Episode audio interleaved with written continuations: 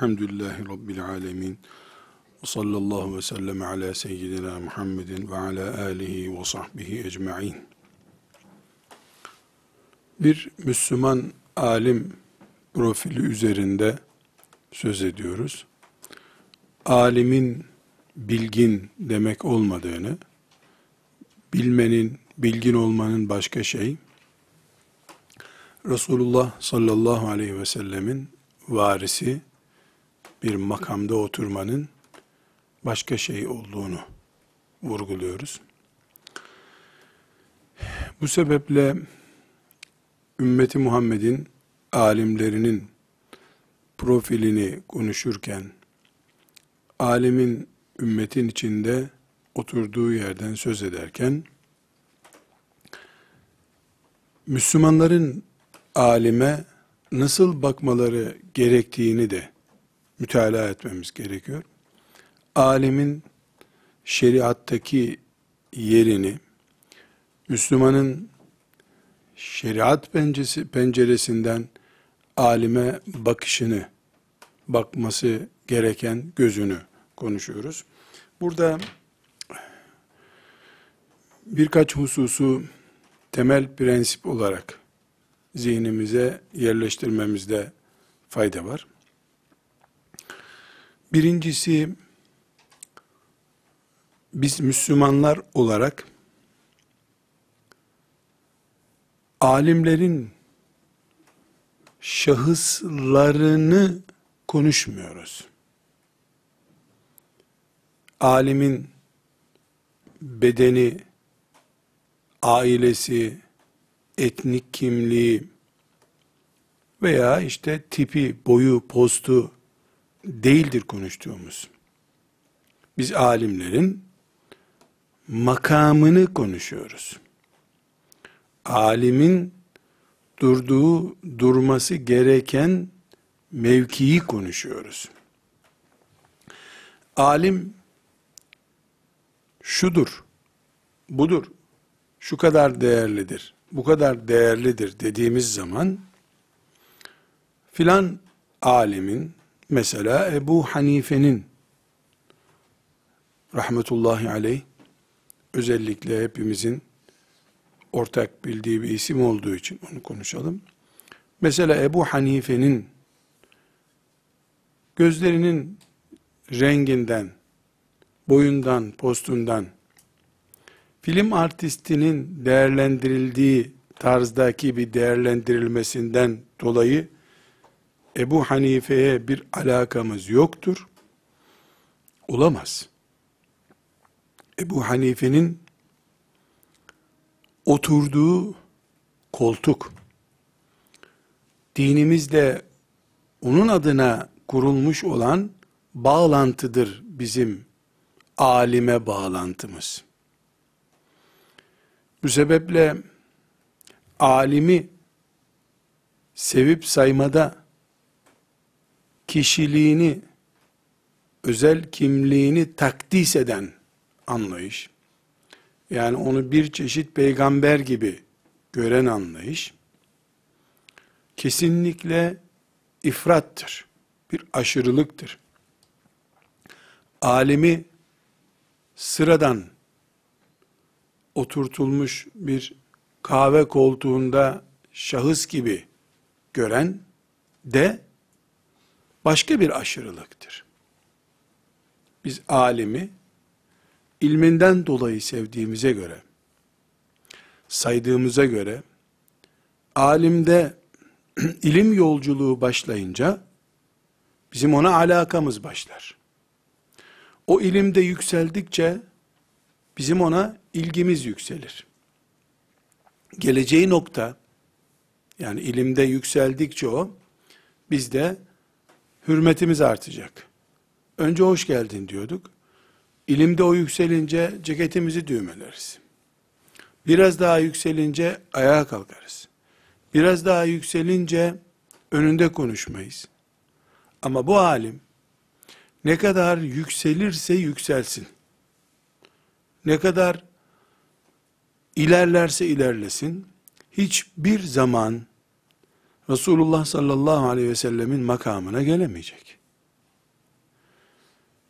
Dolayısıyla hiçbir zaman hiçbir alim peygamberin hak ettiği saygıyı hak etmeyecektir. Çünkü biz alimin kara kaşına hayran değiliz. Yakışıklı tipine hayran değiliz. Sarığına, cübbesine, sakalına, konuşmasına hayran değiliz. İlmine, bulunduğu makama saygımız var. Bu makamda alim 20 puanlıkken ona be 20 puanlık saygı gösteriyorduk. Mesela ilim talebesiydi, yolcuydu. ilim yolcusuydu.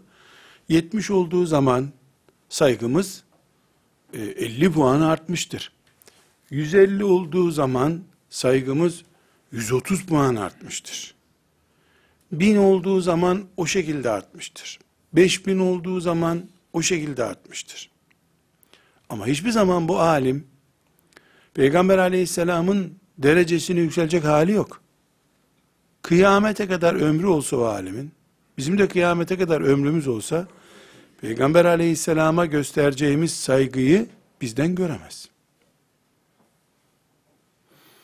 Muhakkak peygamberin altında, ashab-ı kiramın sahabilik ünvanının altında olacak muhakkak.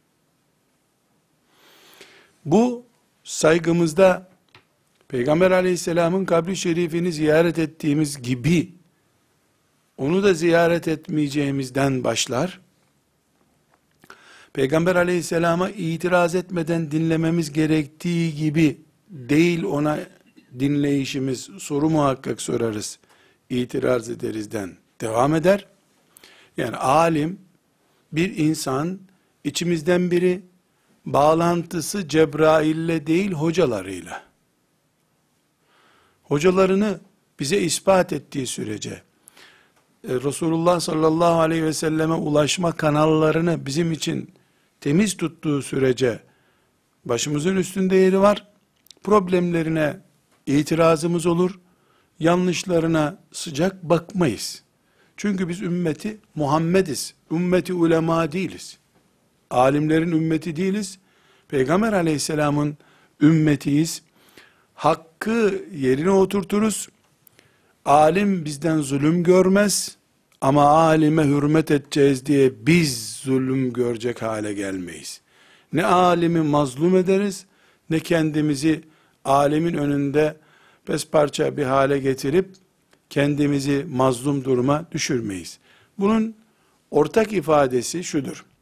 Biz hakkın peşindeki alimlerle meşgul olurken hakkı arıyoruz. Dolayısıyla değerlendirmemiz hakka göredir. Alime göre değildir. Eğer burada bir e, noktayı aydınlatmamız lazım. Eğer mesela ben Karadeniz yöresinde doğmuş bir insanım. İstanbul'da yaşıyorum. Eğer Orta Anadolu'da ki bir alimle Karadeniz yöresindeki bir alim arasında kıyaslama yaparken benim doğduğum topraklarda doğduğundan dolayı bir alim mesela Orta Anadolu bölgesindeki bir alimden daha faziletli, daha değerli gibi bir hissiyat varsa benim değerlendirmem etniktir. ilmi değildir. Demek ki Peygamber aleyhisselam Türklerden gelseydi, Orta Anadolu'dan gelseydi benim için daha makbul olacaktı. Peygamberi de Karadeniz'den isteyecektim demek. Henüz imanımda bir olgunlaşma oluşmamıştır. Alimi Resulullah sallallahu aleyhi ve sellemle bağlantısından dolayı yüzde yüz değerlendirmem gerekirken, ben alimi etnik yapısından dolayı da değerlendirmeye başladım demektir. Bu da neyi gösteriyor? Alemin benim gözümde hakkın adamı olmasından çok benim adam olmam itibariyle değeri var. Bunun ben e, daha uç noktada bir örneğini vereyim. Biz Türkler işte Türk kökenli olduğu için Ebu Hanife'nin mezhebindeniz dediğimiz zaman yani protestan Hristiyanlarla Ortodoks Hristiyanların ayrışma nedenlerine benzer bir nedenle biz Ebu Hanife'nin mezhebine girdik demektir. Batıl oğlu batıl bir anlayıştır bu. Ebu Hanife'ye intisabımız keşke onun içtihatlarını İmam Şafii'nin içtihatlarından daha üstün bulacak bir ilmi değerlendirme yüzünden olsaydı. Buna başımızın üstünde yeri olurdu. Ebu Hanife'nin içtihatları daha hadise uygun, daha ayete uygun, naslara daha yakın diye tercih edecek konumda olsaydık keşke böyle bir şey yok.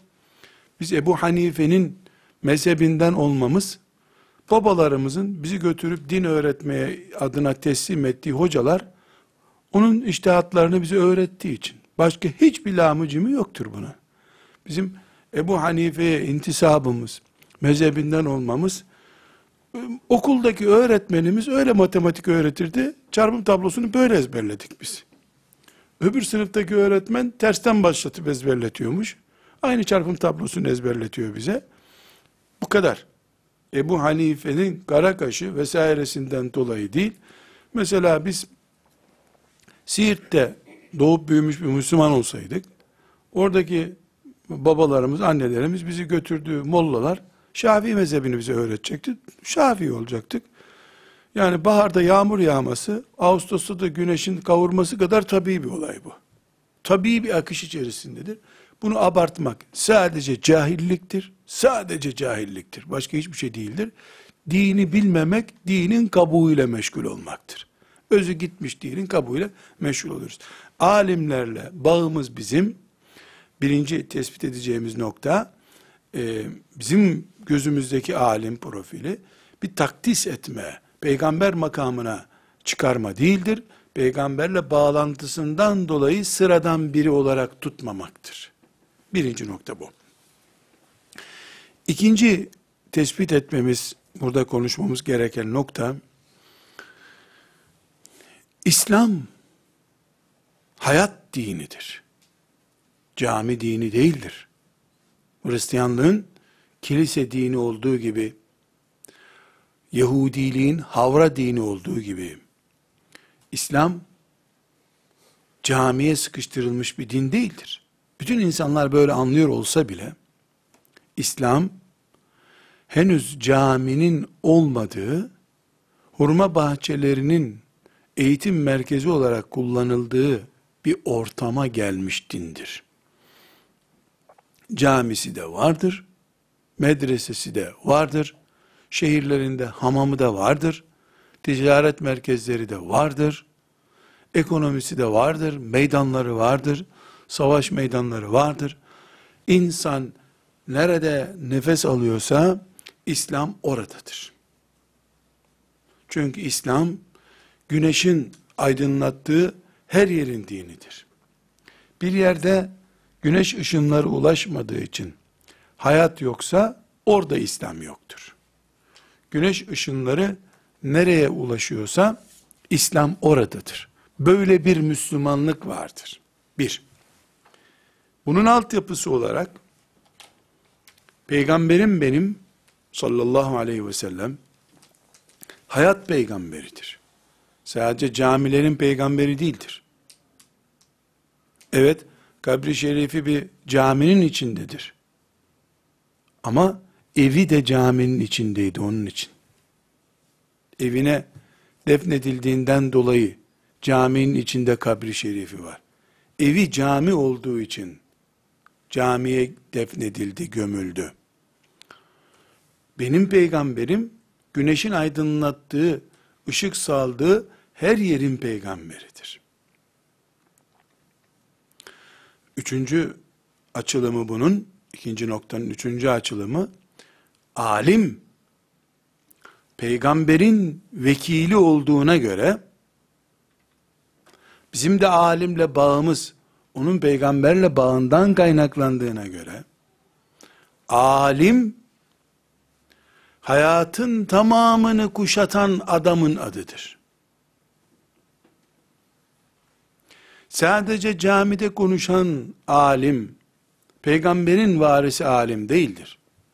Ticaretten anlamayan, siyasetten anlamayan, coğrafyayı bilmeyen, yedi kıtanın ne demek olduğundan haberi olmayan, hac, haccı çok iyi biliyor, Ramazan-ı Şerif'in inceliklerinden haberi yok, bir alim olamaz. Uzmanlaşma konusuna değineceğiz. Uzmanlık başka bir mesele. Hayatın tamamını tanımak başka mesele. Bir dalda uzman insan olmak başka mesele.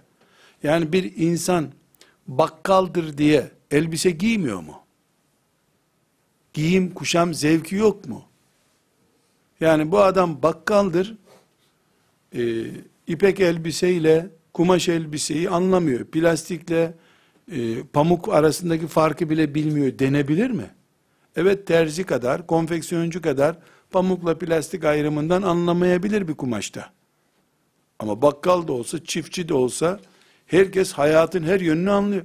Şu dünyada hiç şehrinden çıkmamış, hep köyünde, kasabasında yaşamış, turizm nedir bilmeyen bir insana sahte bir dolar kandırılabiliyor mu? Dolara gelince herkes iyisini, kötüsünü, sahtesini anlıyor.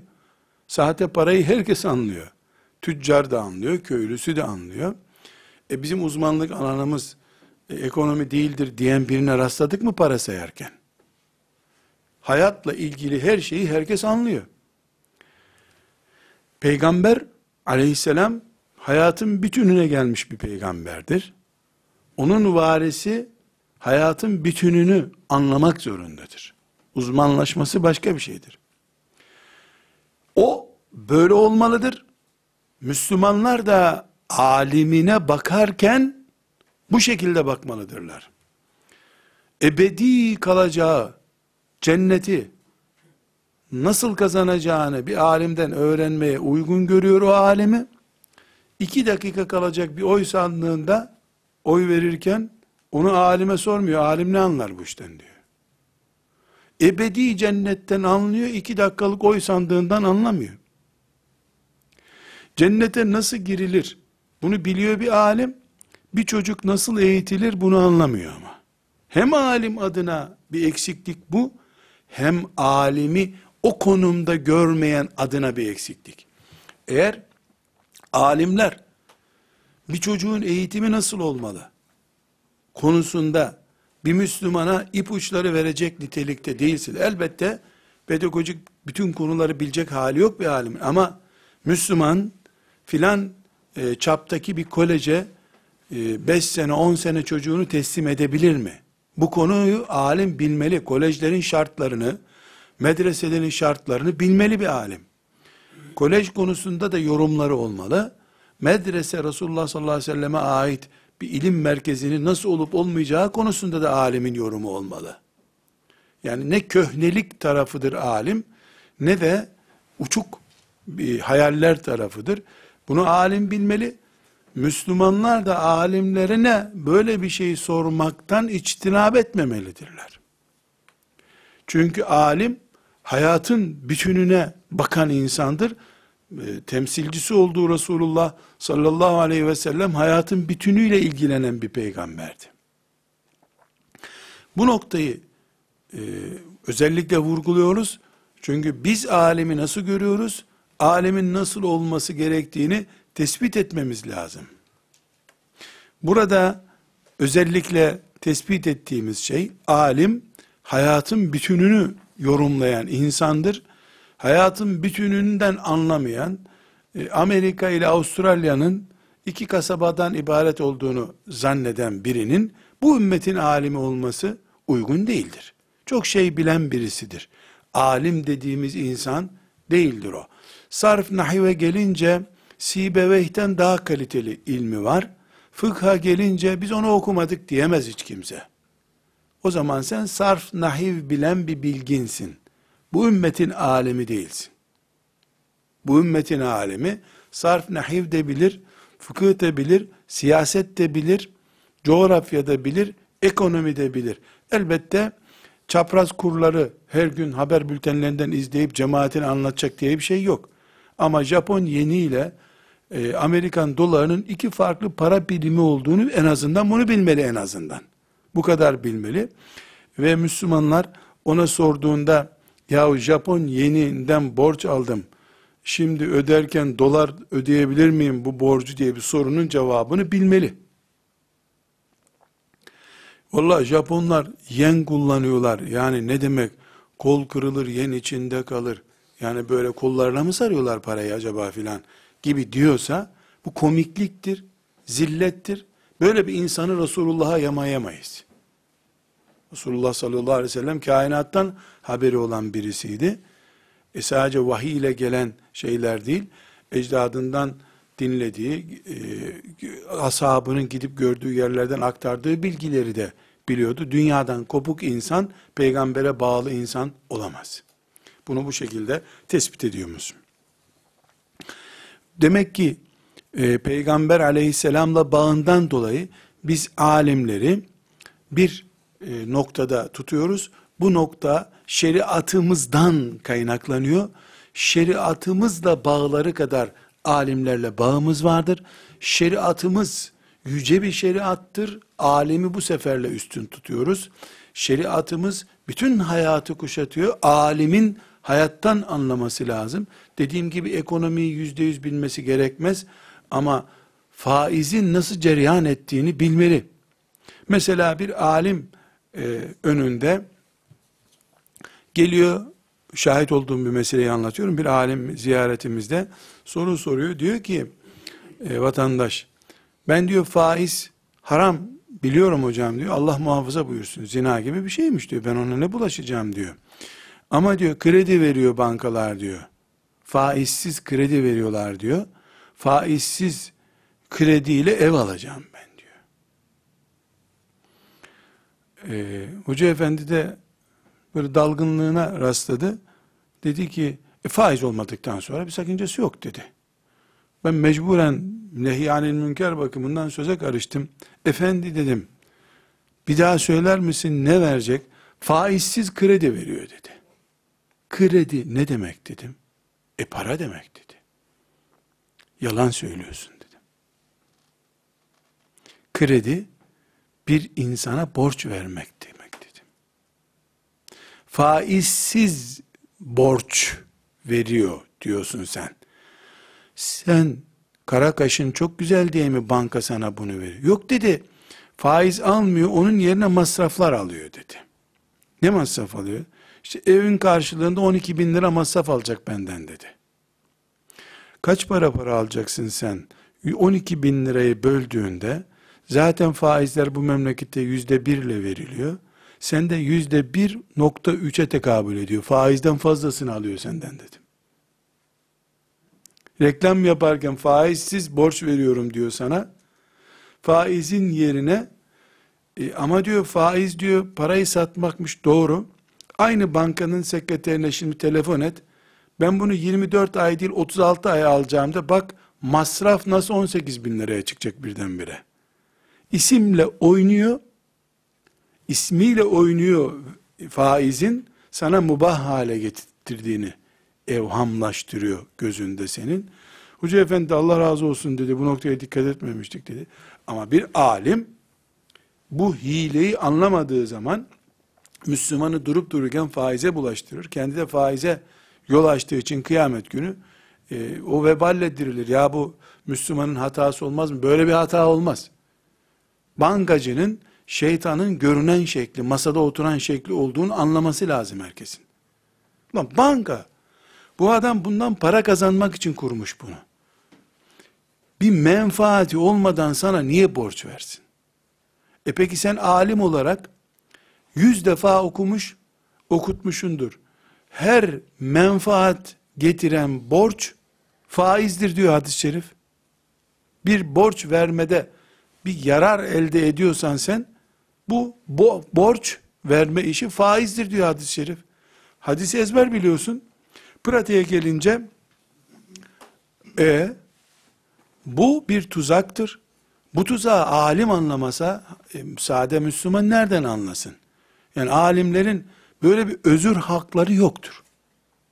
E ne yapalım? Bu da cahilliğimize rastlasın. Asla diyemeyiz. Alimsin. Sen bunu anlayacaksın. Üçüncü e, bir tespitimiz alimlerle ilgili olarak biz alimlere ümmeti Muhammed'in alimlerine Resulullah sallallahu aleyhi ve sellemin varisleri olarak bakıyoruz. Ama Cebrail aleyhisselam değil bunlar. Peygamber de değiller. Bunların hata yapmama diye bir teminatları da yok. Zaten bunu tespit ettik defalarca. Eğer alimler, bizim zamanımızın alimleri, bir konuda söz birliği yapıyorlarsa, bu icma dediğimiz hakikattir. Bu asırda yüz tane alim dediğimiz insan biliyoruz. Yüzü de bir konuda böyledir dinimizin hükmü dediyse bu bizim için bir nimettir, icma etmişlerdir. Elhamdülillah deriz. İcma ettikleri için de bizim de söz birliğimiz vardır. Eğer icma ettikleri bir konuda biz farklı düşünürsek dinden çıkmış sayarız kendimizi. Çünkü icma dinimizin kaynaklarından bir kaynaktır. Yer gelir Kur'an gibi belge olur. Hadis gibi belge olur. Ba, icma ettiği zaman alimler bir konuda zayıf hadislerden daha güçlü bir söz karşımıza çıkarmış olurlar. Bu asırdan bir örnek vereyim. İngilizlerin ümmeti Muhammed'in içine kendi protestanlıkları gibi bir din sokmak için oluşturdukları Kadiyanilik denen ekol, Hindistan, Pakistan, Bangladeş tarafında resmen İngilizlerin masada kurduğu bir e, ad güya mezhep, İslam içinde bir mezhep diye oluşturdular. Terk ederken İngilizler Hindistan topraklarını hem Pakistan, Bangladeş, Keşmir diye bir fitne bırakıp gittiler. Bir daha düzelmesi uzak ihtimal olan bir fitne. Hem de bir yığın e, ekoller bıraktılar. Mesela Kur'ancılık diye bir ekol bırakıp gittiler. Kadiyanilik diye bir ekol bırakıp gittiler. Bu sözüm Kur'ancılık dediğim ekolle ilgisi yok. Ama ileride Kur'ancılık ekolünün nasıl çıktığı ve nasıl uygulandığı konusunda müstakil bir ders yapacağız ileriki dönemde inşallah. Sünnetimizle, hadisimizle ilgisi bulunduğu için. Ama e, ümmeti Muhammed'in bu asırda yaşayan bütün alimleri, büyük küçük çaptaki bütün alimleri Kadiyaniliğin, Müslümanlıkla ilgisi olmayan başka bir din olduğunu, uyduruk batıl bir din olduğunu söylediler. İcma sağlandı. Bu asırda da icma yapıldı. İçlerinden bir tanesi çıkıp işte Tunus'taki filan namaz kılan bir alim, Kadyanilik de beşinci mezheptir filan demedi. Bütün ümmeti Muhammed'den olduğu belli olan alimler icma ettiler. Böylece biz alimlerimiz bir konuda icma ederlerse, söz birliği yaparlarsa dinimiz odur bizim için. Hayır. Alimler bir konuda farklı görüşlerden yola çıkarlarsa o zaman biz ortada kaldık alimlerin oy birliği olmadı filan gibi diyecek bir halimiz yok. Takvasına en itimat ettiğimiz alim kimse onun görüşü bizim görüşümüzdür.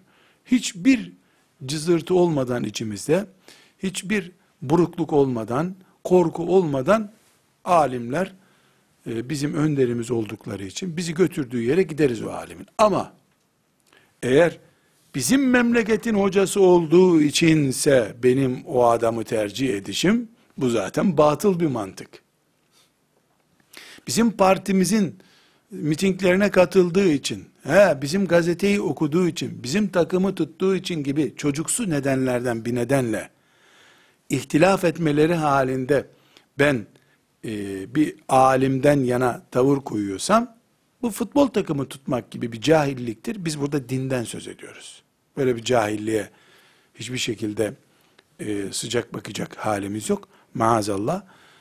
Tekrar toparlayacak olursak, alimler bir konuda söz birliği yapar, icma ederlerse ne güzel.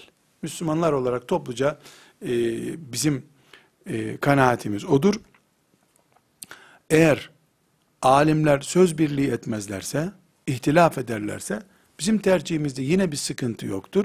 Biz sabah namazını camimizde bizimle beraber kılan, e, Allah'tan korktuğu için hala 70 yaşına geldiği halde e, helal bir kazanç bulamayıp kirada oturmak zorunda kalan, e, çoluk çocuğunun üzerinde bir birik denecek kadar hassasiyeti olan, çocukların ümmetin başına bela edip kendisi edebiyat yapmayan, böyle bir e, alimin takva olduğuna inandığımız bir alimin peşinden gideriz.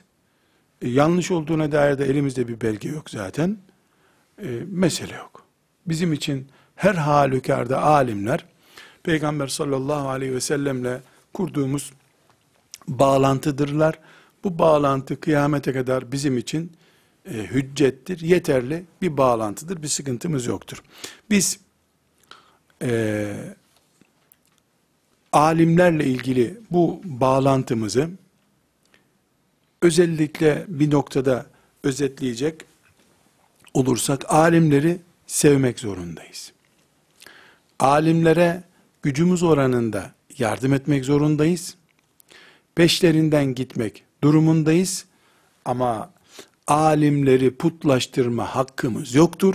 Putlaştırdığımız alime önce kendisine zarar veririz. Yani bir alim putlaştırıldığı zaman e, sevmede, peşinden gidilmede en büyük zararı o alim görüyordur.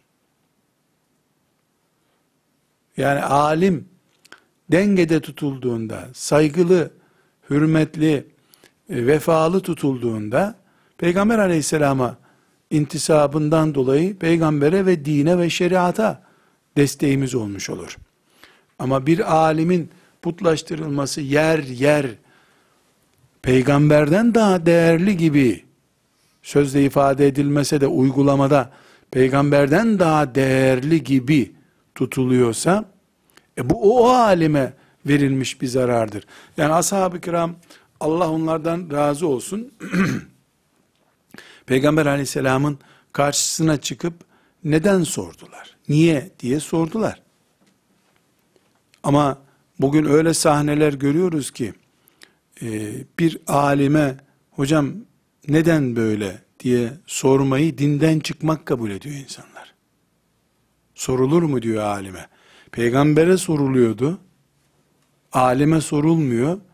E demek ki peygamberden aleyhisselam daha üstün bir noktaya taşımaya çalışıyoruz biz bu alimi. O alime zarar bu. Bu alim putçuluğu imha etmek için zaten çalışıyordu güya. Ee, kendi isteyerek istemeyerek onu bilemeyiz tabi. Yani kalbini Allah biliyor. Ama bakıyoruz ki bu alim efendi kendisini put haline getirenlere ses çıkarmıyor. O da mesuldür. Burada alime soru sormak kelimesiyle beraber bir noktanın tespit edilmesi lazım. Bizim alim profilimiz şeriatımızın temsil edilmesi niteliği taşıdığı için ulu orta alimlerin çoluk çocuğun diline düşürülmesi, alimlerin gıybetinin, siyasetçilerin gıybeti yapılır gibi, futbolcuların gıybeti yapılır gibi mubah telakki edilmesi çılgınlıktır şüphesiz. Çünkü alimi yıpratmak, dini yıpratmaktır. Alim yıprandıkça dinin otoritesi yıpranıyor.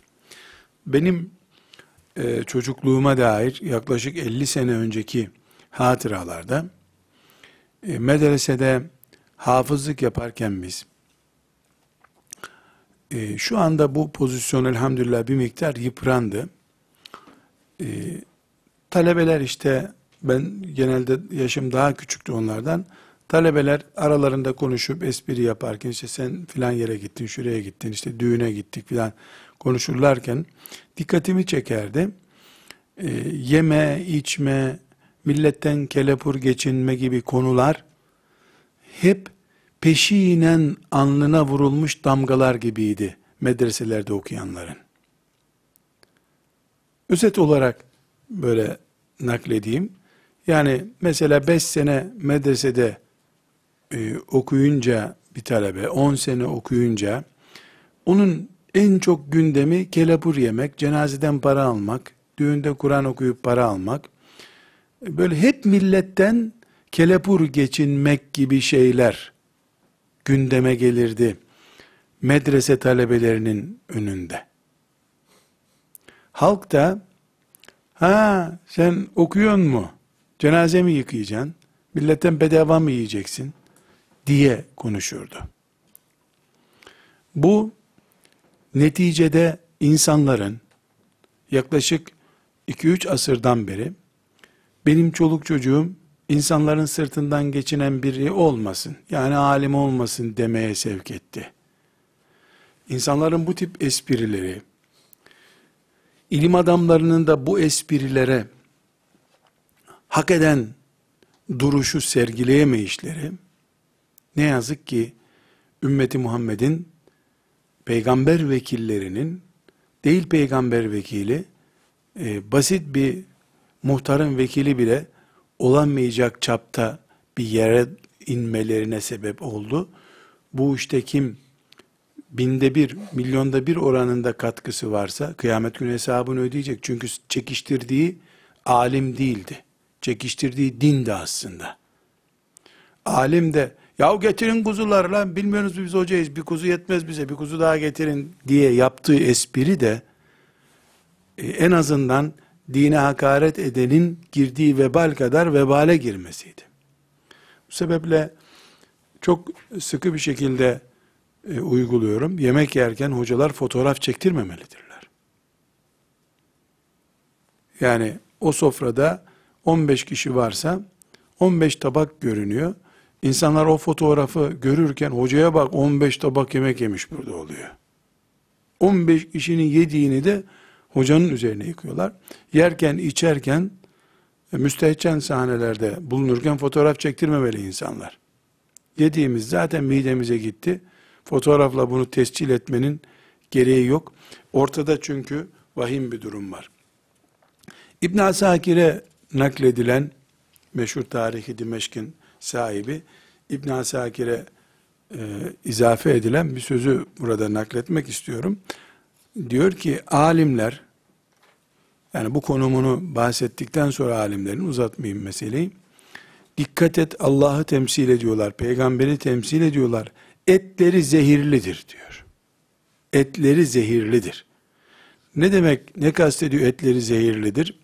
Yani bir insanın gıybetini yapmak, e, hadis ayette nasıl geçiyor? E, ölü etini yemektir diyor. Yani bir Müslümanın, sıradan bir Müslümanın e, gıybetini yaptığın zaman etini yemiş oluyorsun. Eğer bir de alimse bu gıybetini yaptığın adam zehirli et diyorsun. Hem ölü eti hem zehirli et yemiş olursun diyor rahmetullahi aleyh.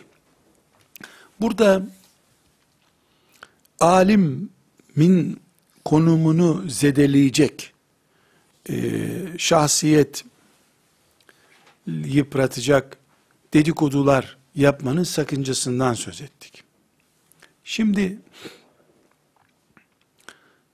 hiç mi alim konuşmayacağız?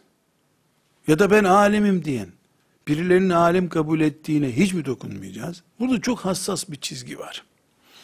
Ben şöyle bir benzetme yapmak istiyorum. Yani elektrik çarpar. Elektrik akımı öldürür. Bu doğrudur. E bizim lambamız yanmıyor. Elektrik arızası var. İşte sigortası düzeltilecek. Çarpar, tutma. E hep çarpar çarpar dersen bu sefer elektrikten de istifade edemiyorsun. Ne yapıyorsun? Kontrol kalemiyle işte belli bir o iş için ayarlanmış aletle hatayı düzeltiyorsun. Çıplak elle tutmuyorsun. Alimlerin de tenkit edilmeleri zehirli bir et yemek kadar tehlikeli ama alimler de hak etmedikleri konumda durabilirler. Yanlış iş yapabilirler. Ümmetin başına bela olacak işler yapabilirler. E biz yani bu alimler e, bu şekilde tenkit edilmemeleri halinde ümmeti Muhammed'in helak olacağı bir yola e, gidişine göz yumacağız demektir. Hayır. Çıplak elle elektriğe tutmayıp belli aletlerle tuttuğun gibi aynı şekilde alimlerin de e, bilmemeleri halinde hadlerini hadlerini bilecekleri bir konuma getirilmelerinde hiçbir sakınca yoktur. Burada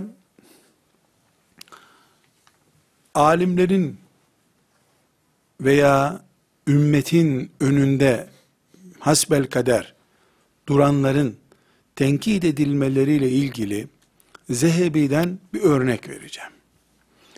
Ee, örneğim çok uzun.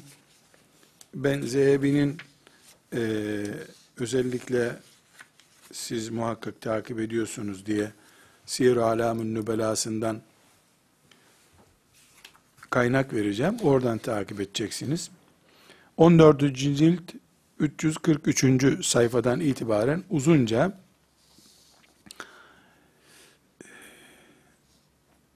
ümmeti Muhammed'in alimlerinin de tenkit edilebileceğini, bunun bir yolu yordam olduğunu, ümmeti Muhammed'in e, tenkit edilecek e, alimler ya da başına bela olmuş insanlar seviyesine nasıl geldiğini çok geniş bir şekilde izah ediyor. Allah rahmet eylesin Zehebi'ye. Ee, mesela burada tasavvufun e, aşırı uçlarından e, birisinden söz ediyor. E, Hüseyin bin Mansur el-Hallac denen adamdan söz ediyor. Özellikle bir dipnot olarak söyleyeyim. Zehebi tasavvuf düşmanı değildir. Tasavvuf şeyhi de değildir. Dengeli bir insandır Zehebi. Tasavvuftaki güzellikleri, tasavvufun Allah dostu insanlara ait e, değerli bulduğu bütün menkıbelerini almış. Siyer-i Alam'ın nübelası bu örnekleriyle doludur zaten. Ama Hallaca da hiç merhamet etmemiş. Yani onu da işte bu bahsettiğim yerde örneklendiriyor. Yani e, çok enteresan bir şekilde e, bir örnek veriyor burada. Mesela Resulullah sallallahu aleyhi ve sellem Efendimizin münafıklarla ilgili bilgi konusunda her şeyi bilmediği ortaya çıkıyor diyor. Vahiy geldikçe biliyordu diyor. Münafıkların komplolarını sonradan öğrendi diyor. Bu konuda da ashab-ı kiramdan, daha sonraki nesillerden yok biliyordu da bilerek söylemedi diyen de yok. Peygamber aleyhisselam efendimiz de bir insan olarak her şeyi bilmiyordu. Allah'ın bildirdiğini biliyor. Kur'an üstelik kul la a'lemul gayb de diyor. De ki ben gaybtan haberim yok de onlara diyor. Yani Kur'an-ı Kerim Peygamber aleyhisselama her şeyi bilmediğini söylemesini emrediyor. Getirdiği Kur'an Peygamber her şeyi bilmediğini söylettiriyor getirdiği Kur'an. Bunu böyle uzun uzun izah ediyor. Sonra da tasavvufun içinde kanser gibi çıkmış olan bazı ekollerin tasavvuftaki derin teslimiyetten istifade ederek ümmeti Muhammed'in içerisine nasıl mikrop bulaştırdığını anlatıyor. Zehebi. Bu uzun ayrıntılarına girmek istemiyorum. Bu anlatımından sonra da örnek olarak e, Hallacı veriyor. Arkadaşlar Hüseyin bin Mansur el-Hallac Hicri 309'da e, idam edilmiş. Yani miladi takvimle 922 yılında idam edilmiş. Zehebi'ye göre e, yani işte burada mikrofonun önünde zikredilmeyecek kadar berbat bir adam Zehebi'ye göre.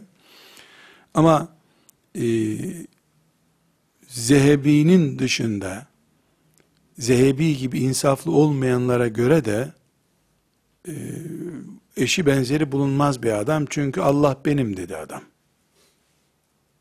Dediği doğrudur diyen de olmuş. Hüseyin bin Mansur el-Hallac felsefenin kurbanı olmuş birisidir. Burada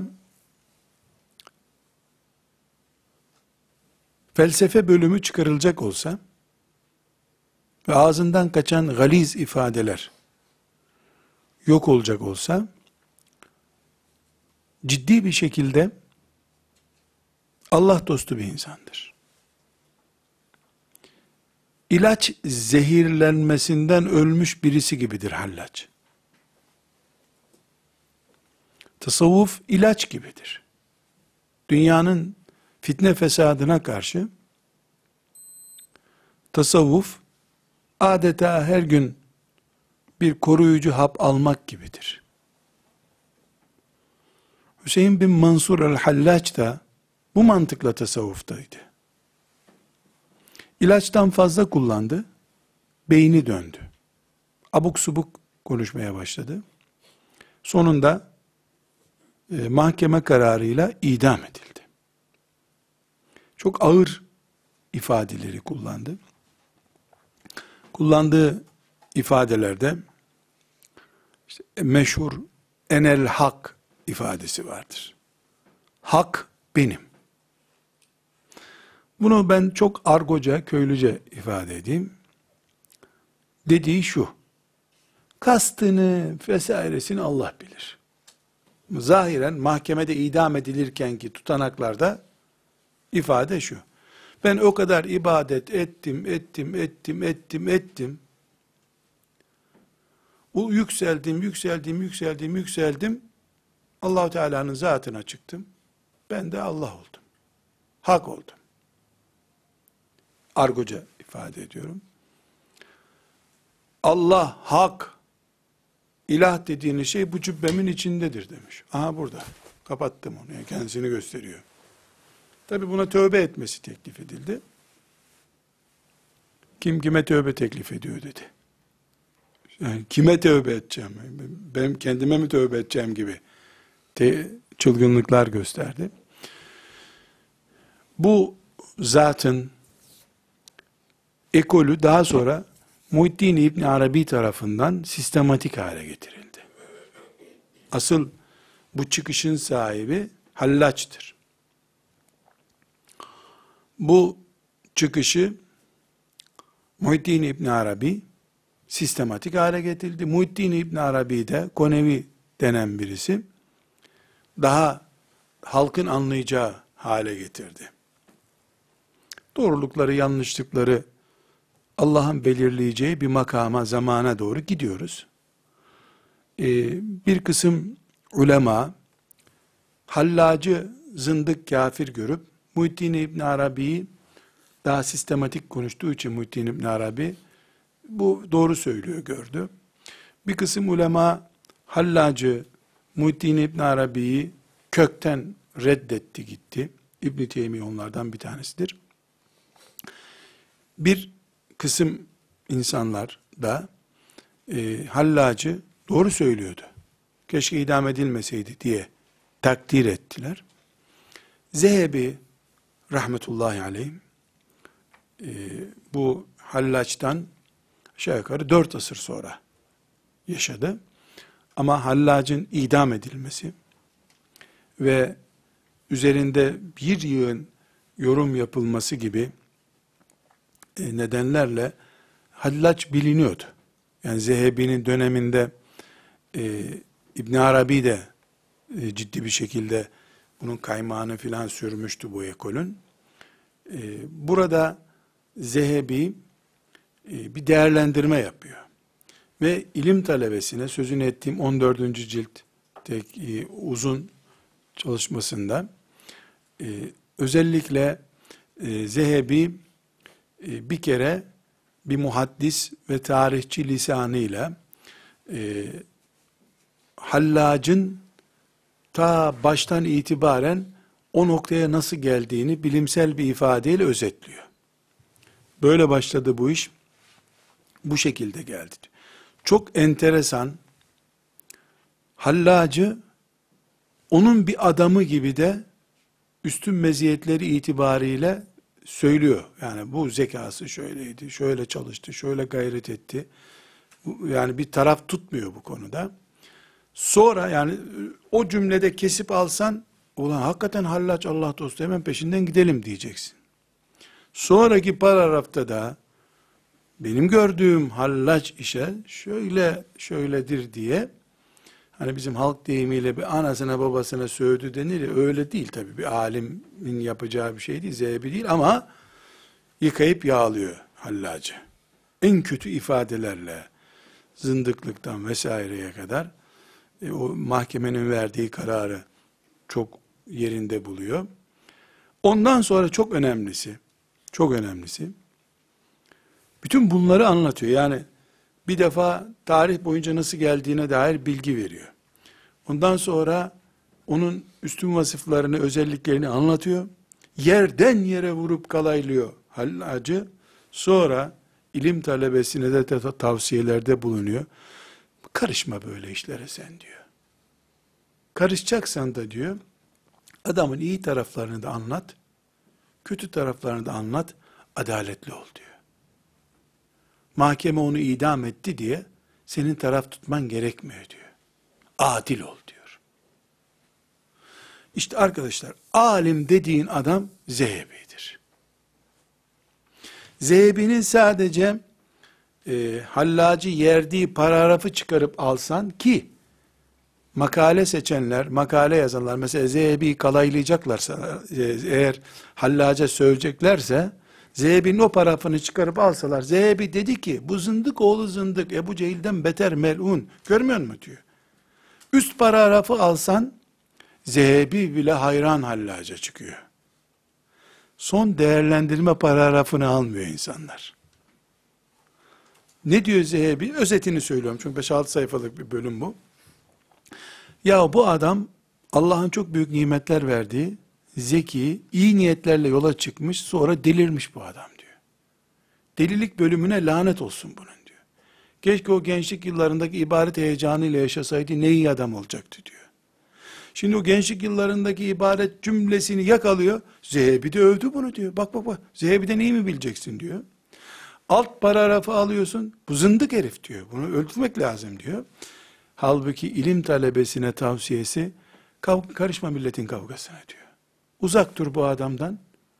Lan bakarsın kıyamet günü adam cennete girer Allah affeder onu ne karışıyorsun sen diyor.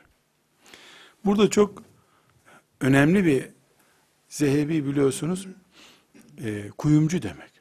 Hakikaten zehebi bir ifade. Babası kuyumcuymuş Zehebi'nin. Babasının lakabıyla anılıyor. Zehebi diyor. Bir mümin alimlere bu şekilde bakmalı. Kabul etmediğini reddet gitsin.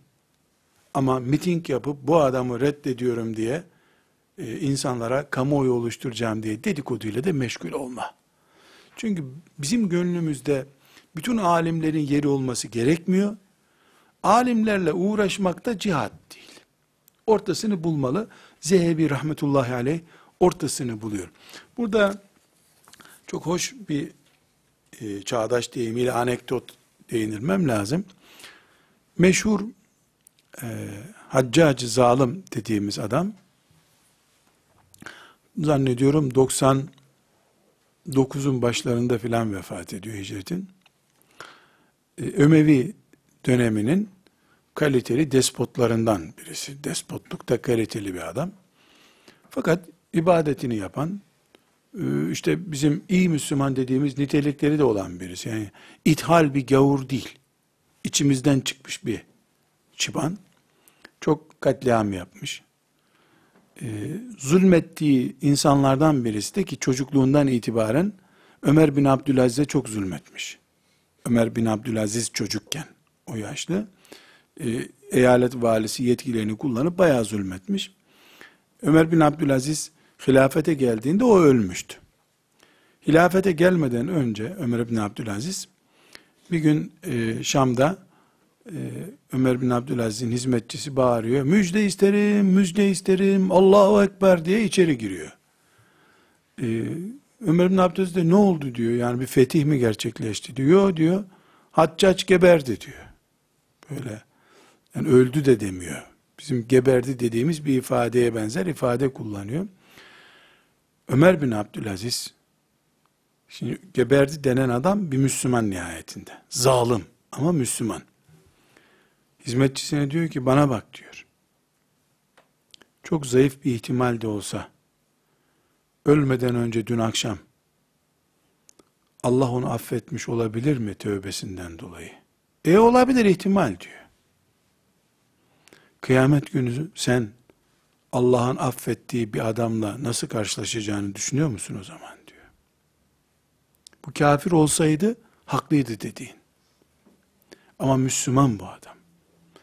Niye kendini riske atıyorsun kıyamet günü öyle bir zalim adamla niye karşılaşacaksın ki diyor.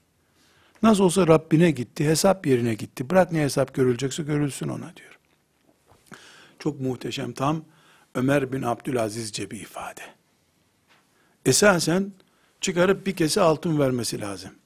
9 yaşındayken Ömer bin Abdülaziz tehdit etmiş seni kırbaçlarım diye. O günden başlamış.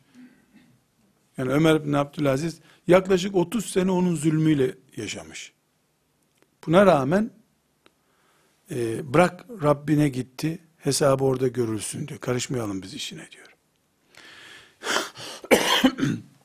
Benden bin sene önce yaşamış, yani bin seneden de fazla oluyor. Hallacı bugün söverek, sayarak irdelememin bu mantıkla ele alınması lazım. Ama hallacın yaptığına bakarak da gönlümde bir buğday tanesi kadar da yer almasını istemem doğrusu. Ne hallacı seven biri olarak dirilmek isterim kıyamet günü, maazallah derim. Ne de bana ne hallaçtan, niye ben e, onun yüzünden e, kıyamet günü hesap vereyim, öyle bir riskim niye bulunsun da derim. Çünkü zaten bugün ona ittiba edip onun gibi düşünmek isteyenler varsa ben onlarla aramda mesafe tutuyorum. Siz yanlış düşünüyorsunuz diyorum. Sizin iştihadınız yanlış diyorum. Zaten bunu yapıyorum. Geçmişin hesapları da Allah'a kalmış. Bugün ben niye o hesaplarla elimi kirleteyim ki? Diyorum. Ya diyorum derken ben kendimi örnek vermek için söylemiyorum. Bu mantıkla yol aldığımız zaman hem geçmişin çöplüklerini karıştırmış olmayız. Hem de bugün o çöplüklerden yeni yeni kokular çıkmasını engellemiş oluruz. Çünkü bu bir çöplük. O dönemin insanlarını bunaltmış, mikroplar saçılmış o çöplükten. Aynı çöplüğü yeniden canlandırmanın bir manası yok. Ama şeytan elbette birilerini bulup e, bu çöplüklerden daha beterlerini oluşturur. Ya bizim parmağımız olmasın bu işte de ne olursa olsun. Yani ben mesul olmayayım Allah katında. Ben hak gördüğümü ihya edeyim.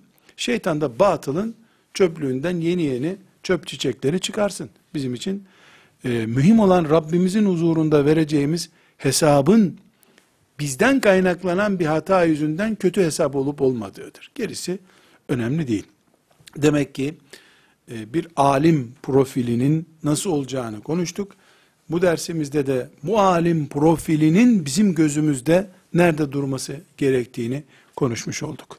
Ve sallallahu ve sellem ala seyyidina Muhammed ve ala alihi ve sahbihi ecma'in velhamdülillahi rabbil alemin. قل إن كنتم تحبون الله فاتبعوني يحببكم الله ويغفر لكم ذنوبكم والله غفور